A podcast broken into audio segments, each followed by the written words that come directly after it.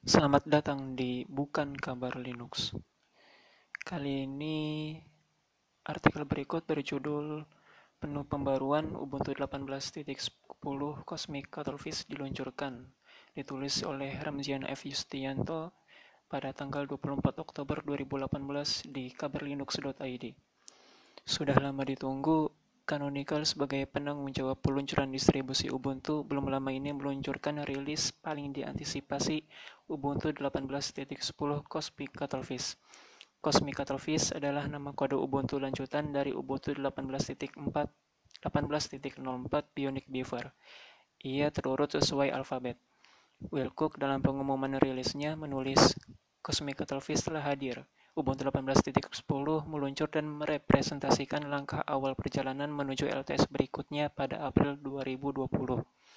Rilis Ubuntu hadir dengan 9 bulan dukungan dan membawa pembaruan terkini pada stack GNOME, peningkatan pengalaman atau penggunaan Snap pada desktop, dan beberapa fitur baru dan peningkatan usabilitas, serta tema baru segar yang dibangun komunitas pengembang baru yang mantap.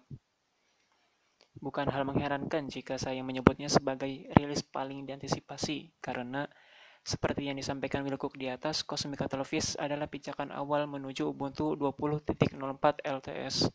Ubuntu 20.04 LTS bisa jadi adalah rilis LTS pertama yang akan membenamkan Wayland, Wayland sebagai display server utama. Siapa tahu toh, eh tetapi Anda tidak perlu menunggunya karena itu masih dua tahun lagi.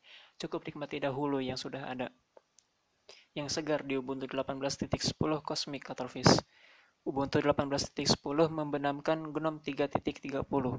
Rilis terkini desktop environment GNOME yang hadir bulan September 2018 lalu. Beberapa pembaruan termasuk pada dukungan Flatpak Flatpak apa Flatpak bacanya ini, dan fitur berbagi layar yang hadir di GNOME 3.30 Almeria secara otomatis diperkenalkan di Ubuntu. Tak hanya itu, Ubuntu 18.10 akhirnya membenamkan ikon dan tema baru yang sebenarnya digadang-gadang diperkenalkan di 18.04. Communitem, nama tema GRAS untuk Ubuntu yang dibangun oleh komunitas Yaru. Oh, ini Yaru, bukan baru. Salah berarti tadi. Ubuntu 18.10 Cosmic Cuttlefish juga dijamin lebih hemat baterai setelah Canonical menerapkan workaround. Workaround itu ya gitulah untuk menghemat daya baterai. Mengikuti Fedora mengikuti Fedora pada rilis Fedora 28. Canonical memanfaatkan opsi-opsi pada kernel Linux untuk mengaktif nonaktifkan hard disk controller, USB controller, dan lain-lain, sehingga daya yang dikonsumsi lebih sedikit. Dukungan perangkat keras pada rilis ini juga semakin banyak setelah mereka membenamkan kernel Linux 4.18. Pembaruan lain yang tidak kalah menarik untuk disorot adalah waktu mulai aplikasi Snap yang lebih cepat. Dukungan pemindai sidik jari, instalasi yang lebih cepat dengan algoritma kompresi ZSTD, Ubuntu software yang mampu menghapus dependensi saat proses pembongkaran aplikasi, dan lain-lain.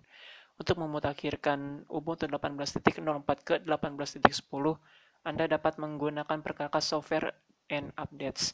Pilih tab Updates, cari bagian Notify Me of a new Ubuntu version, lalu ubah for long-term support version menjadi for any new version. Berikutnya, Ubuntu akan menampilkan notifikasi jika Anda ingin memutakhirkannya ke 18.10. Sekian dan terima kasih.